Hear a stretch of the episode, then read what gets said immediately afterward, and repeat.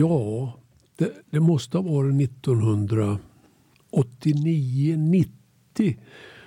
Och jag står i aulan på Rotskärsskolan i Skutskär, Älvkarleby kommun. Och vi har en litteraturdag, ett tema. Det är årskurs 8. Alltså i aulan och det är väl en 150 barn. 140-150. Och jag börjar läsa en novell. En av de noveller på svenska språket som är mest spridd, mest läst. Citerad ofta. Den är gjord till film gång på gång på gång och den är omtalad. Och det är egentligen en, en novell som är skriven i en trafiksäkerhetskampanj. Ja. Den heter Att döda ett barn. Och när jag står där och läser så ser jag fyra, fem flickor då, 14 år som sitter på första raden. Att alla gråter. Och då börjar jag gråta. Mm. Det går som inte att låta bli. Mm. Jag tar över deras tårar men jag lyfter också ur min egen kropp, sätter mig på axeln och kan läsa berättelsen klar. Mm. Mm. Det är nog en av mina starkaste högläsningsstunder. Och jag hörde ju min egen röst. Va? Det Ja, var, det var, jag ja. läste för mig också. Jag blev 14 år på nytt. Mm. Mm.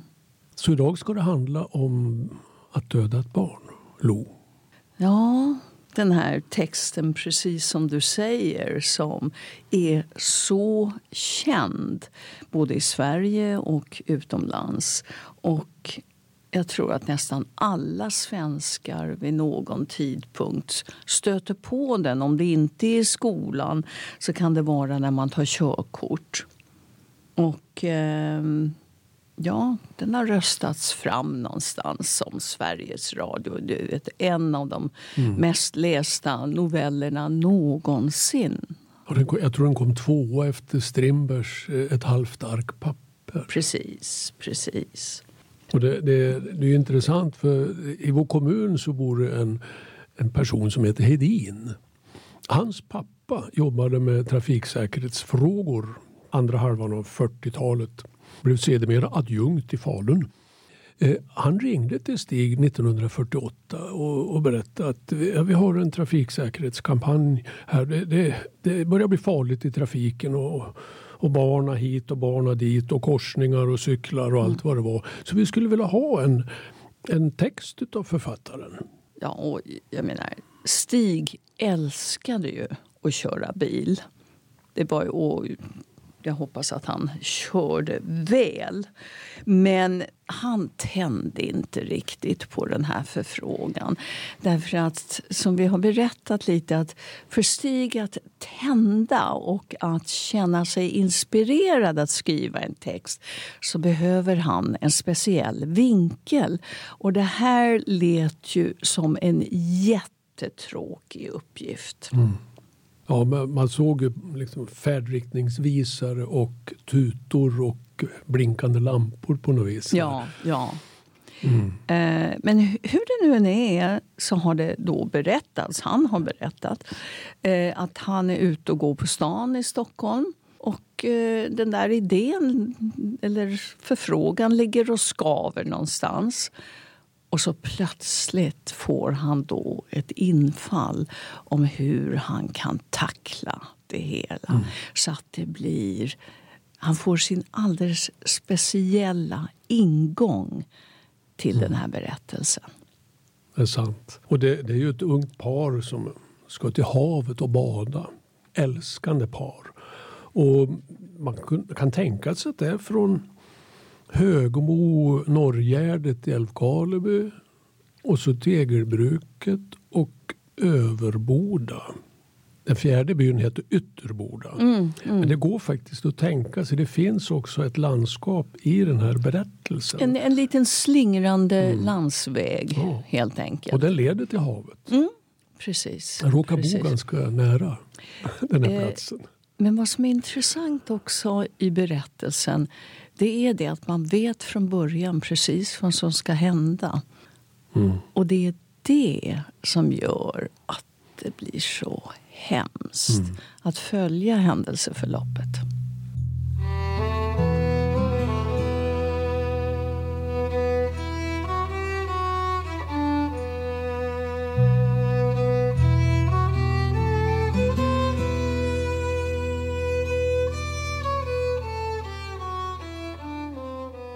Det är en lätt dag och solen står snett över slätten. Snart ska klockorna ringa, ty det är söndag. Mellan ett par rågåkrar har två unga hittat en stig som de aldrig förut gått och i slättens tre byar blänker fönsterrutorna.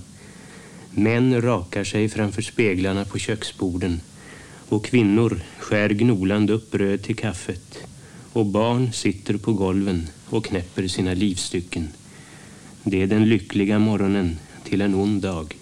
Ty denna dag skall ett barn dödas i den tredje byn av en lycklig man.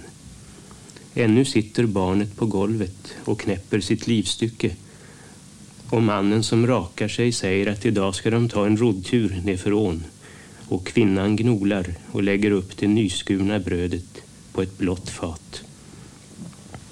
Det far ingen skugga över köket och ändå står mannen som ska döda barnet vid en röd bensinpump i den första byn. Ja, Bengt, när man då på Trafiksäkerhetsverket först får läsa det här förslaget då från unge mm. herr Dagerman så blir man ju förskräckt. Ja, man vill ju inte ha ja, det. handlar ju handlar inte om trafik det här. Nej. Vad är det här för ja, dravel? Precis. Men det är väl någon där som är lite framsynt mm. också att man accepterar ju mm. texten. Jag tror att det är den mm. blivande adjunkten i Falun, Hedin, som, ja, ja. som låter, låter någon som kan det här med litteratur mm. läsa. -hmm. Och så, vilken fantastisk text! Har Dagman skrivit den här åt er? Mm. Och då förstår man ju. Ja. Och sen är det ju märkligt hur spridningen, den publiceras alltså på våren då, 1948 mm. i mm. ett hundratal tidningar och blir omtalad omgående. Och folk river ur den och spar den naturligtvis och läser högt vid köksbordet. Och, det, och är, kanske... det är liksom ett nytt sätt mm. Att skriva kanske. Visst. Och att närma sig. Och jag, jag, jag tror vad, eh, vad Stig själv har sagt också. Han är ju väldigt inspirerad av filmen som medium. Mm. Han växte ju upp med film. Och därför är den så visuell. Och man kan nästan se scenen som byts hela tiden mm. och det här oundvikliga som händer. Mm. Och, och när man läser, man vet ju att det ska hända. Mm. Och, och, ja, det, det är ruskigt. Mm. Ändå fortsätter man att läsa. Mm. Och ibland läser man ju om den. Precis. Och sen är det ju då detta, och det är väl kanske det som är briljansen. Att när vi nu har läst det här så kan vi gå tillbaka till berättelsen. Mannen som dödar kan inte, men vi kan rulla skeendet tillbaka. Och vi kan, när vi sätter oss i vår bil, säga okej, okay, jag måste tänka efter. Jag måste vara uppmärksam. Jag vill inte att detta ska hända mig. Mm. Så det blir så. en text som används. Ja visst, ja, snacka om att användas. Mm, mm. Det är mm. sant. Och det, är också nytt för, jag tror för det massmediala, alltså en reklamkampanj nästan en propaganda så använder man alltså ett skönlitterärt stycke som skulle bära, ja, som bär sig själv var som helst. Och här kommer det en annons. Och den, den har ju tryckts senare också i annonser. Mm. Ja. Så här blev, blev man väl rik då, Lo? Stig? Eller? Ja, självklart. Alla skulderna omedelbart betalades tillbaka. Eh, Hans Sandbergs eh, utgåva av mm. Dagmans samlade verk då, början på 80-talet, då finns det en kommentardel. För de som är riktigt sugna på att få detaljer då kan man få reda på hur mycket Stig fick betalt för den. Ja, hur mycket fick han? 75 kronor. Ja. Och på den tiden var det... Kan det vara en femhundring eller ja. en tusenlapp ja. eller så? Mm, mm. Men det är klart, den här texten snurrade på. Det blev ju då, som du säger, den publiceras många gånger. Eh, sen blir det då... Stig tycker om att läsa in egna texter. Så att det är ju där på 50-talet, tidigt 50-tal som han är ganska mycket på radio och läser in. Och som vi har hört då, och det ligger på Litteraturbanken så, eh, så läste han in då Att döda ett barn och fick alltså ett enormt genomslag. Det är en lycklig man som tittar in i en kamera och i glaset ser han en liten blå bil och bredvid bilen en ung flicka som skrattar. Medan flickan skrattar och mannen tar den vackra bilden skruvar bensinförsäljaren fast locket på tanken och säger att de får en fin dag. Flickan sätter sig i bilen och mannen som ska döda ett barn tar sin plånbok ur fickan och säger att de ska åka till havet. Och vid havet ska de låna en båt och ro långt ut.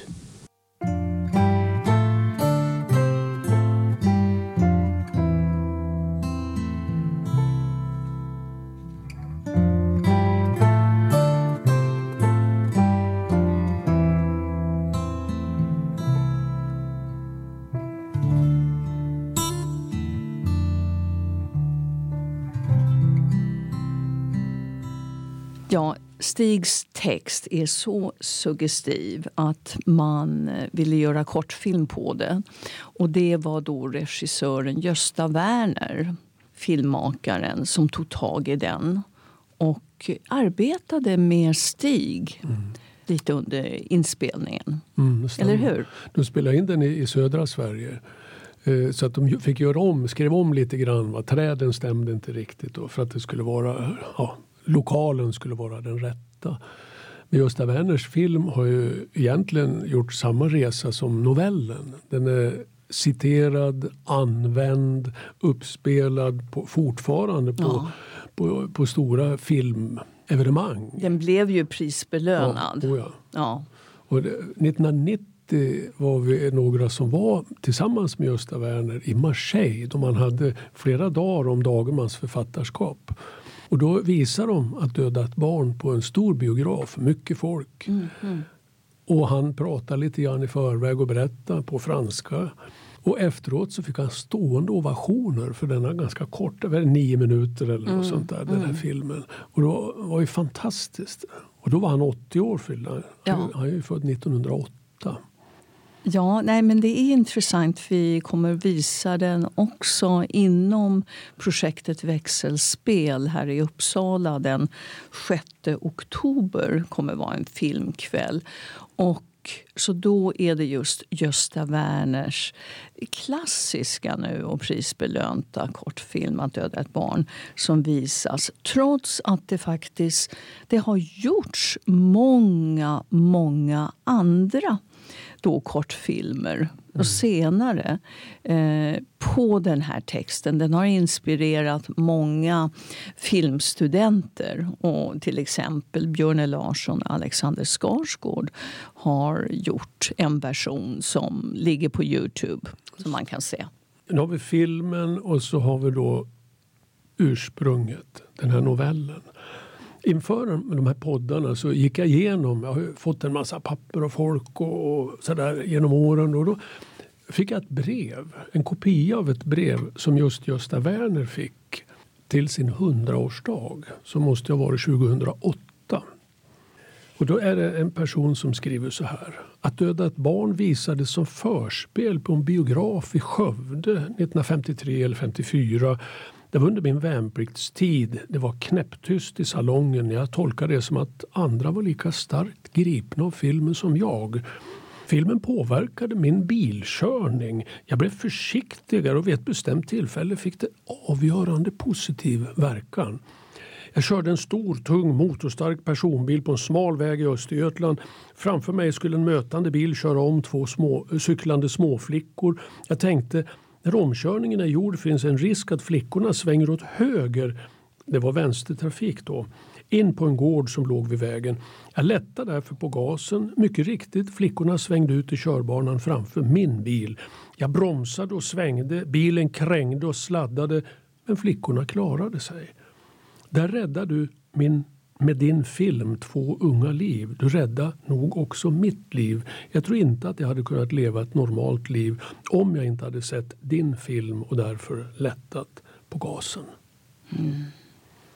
Som Stig skriver och slutar novellen med att till så obarmhärtigt är livet konstruerat att allting efteråt är för sent.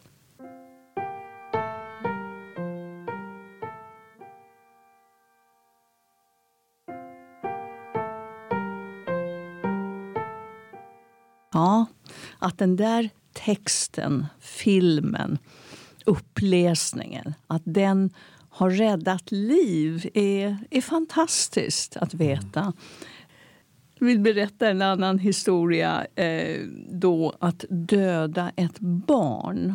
Den titeln fick vi inte använda när vi publicerade novellsamlingen, Stigs novellsamling i USA. Därför att To kill a child, vi ville gärna använda den titeln då, översättaren och jag. Men förläggaren sa nej, det kan ni inte göra. Det låter ju som en how to-bok. Mm. Ja, att det skulle just avskräcka läsare. Så det är lite intressant att i övriga världen har det inte varit ett problem. Det har liksom inte misstolkats. Det, utan det är tvärtom. Det är det då en titel som med en gång gör en intresserad. Och idag, Lo, används den här novellen fortfarande? Är det nya översättningar? Har du något pejl på det? Ja, lite grann. Som i Sverige då så är det ju om man får körkort. Den finns ju med så att säga i förarutbildningsmaterial. Men om vi tänker då lite mer i utlandet så jag får ju då och då olika förfrågningar. Och just när vi talar om då titeln på engelska To kill a child så fick jag just en förfrågan där man absolut inte hade något problem med den titeln.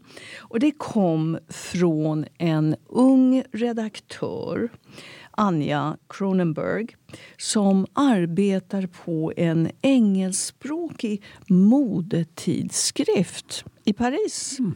Ja, det är överraskande. Ja. Och vad jag det är inte uppenbart alls. Men hon, hon formulerar så här då att vår tidning vill stimulera kritiskt tänkande kring mode och kläder.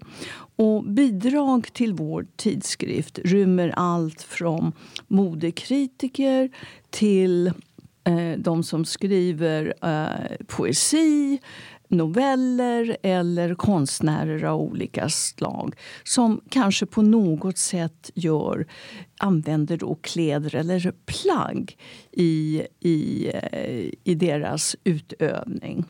Och vi skulle, säger hon, vi skulle gärna vilja publicera då 2023 i vår, den upplagan. Stephen Hartmans översättning av Att döda ett barn, To kill a child. Och så berättar då den här Anja att temat för tidskriftens utgåva då, 2023 är vardagslivet. Och att hennes filosofi är att tänka på konsumtion som en skapande akt. Ja, det här är lite kul. Att hon tänker på konsumenter som aktiva agenter hellre än passiva mottagare. Det här skulle Stig ha gillat. Med möjlighet att påverka ett system genom en massa olika små personliga och intuitiva sätt både för att få mer kontroll och för sitt eget höga nöje. Och då säger hon att att döda ett barn skulle vara ett rörande och okonventionellt sätt på detta tema och att Stig Dagermans verk förtjänas att bli mer känt bland Westoys läsare. Oj. Fascinerande. Ja, verkligen ringar på vattnet. Mm. Man skulle kunna, om man skulle önska någonting när det gäller den här novellen så skulle man översätta den till mandarin, alltså kinesiska och kanske de stora indiska språken. För i trafiken i de två jätteländerna så dör mm. kring 100 000 människor varje år. Mm, mm. tänk att få, få den här spridd. Jag har framfört det här till, till några personer ja, tidigare. Ja. Mm. Jag har inte de kontakterna men jag tror att det skulle fungera. Därför att det är mm. litterärt en mycket mycket kraftfull text och som säger någonting bortom det som vi nästan kan tänka. Ja, Eller ja hur? absolut. Vi vet ju inte riktigt var Stigs texter ligger på nätet. Rättigheterna kommer att släppas om nåt år. Men redan nu är det ju till exempel då Kina erkänner ju inte då eh, royalty-rätten eh, som är 70 år. Och andra, många andra länder gör det inte heller. Så att det översätts ju ganska fritt. Vi fick just igår reda på att Att döda ett barn ligger ute i olika översättningar på arabiska på sociala medier. Och det kan ju inte jag läsa.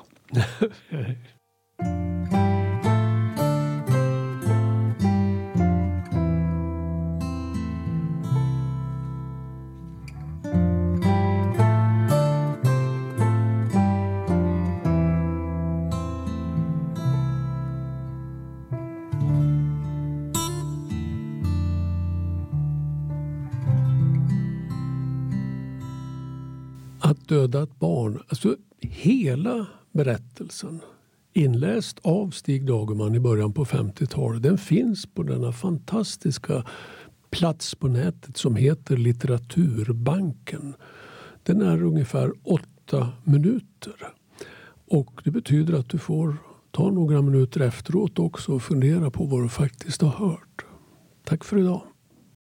Du har lyssnat på Dagerman-podden, en samproduktion mellan Bibliotek Uppsala, Region Uppsalas projekt Växelspel, Lo Dagerman och Bengt Söderhäll. Producent var Per-Göran Back. Musik Bengt Söderhäll, Urban Forsgren, Daniel Östersjö och Per-Göran Back. Tack för att du har lyssnat.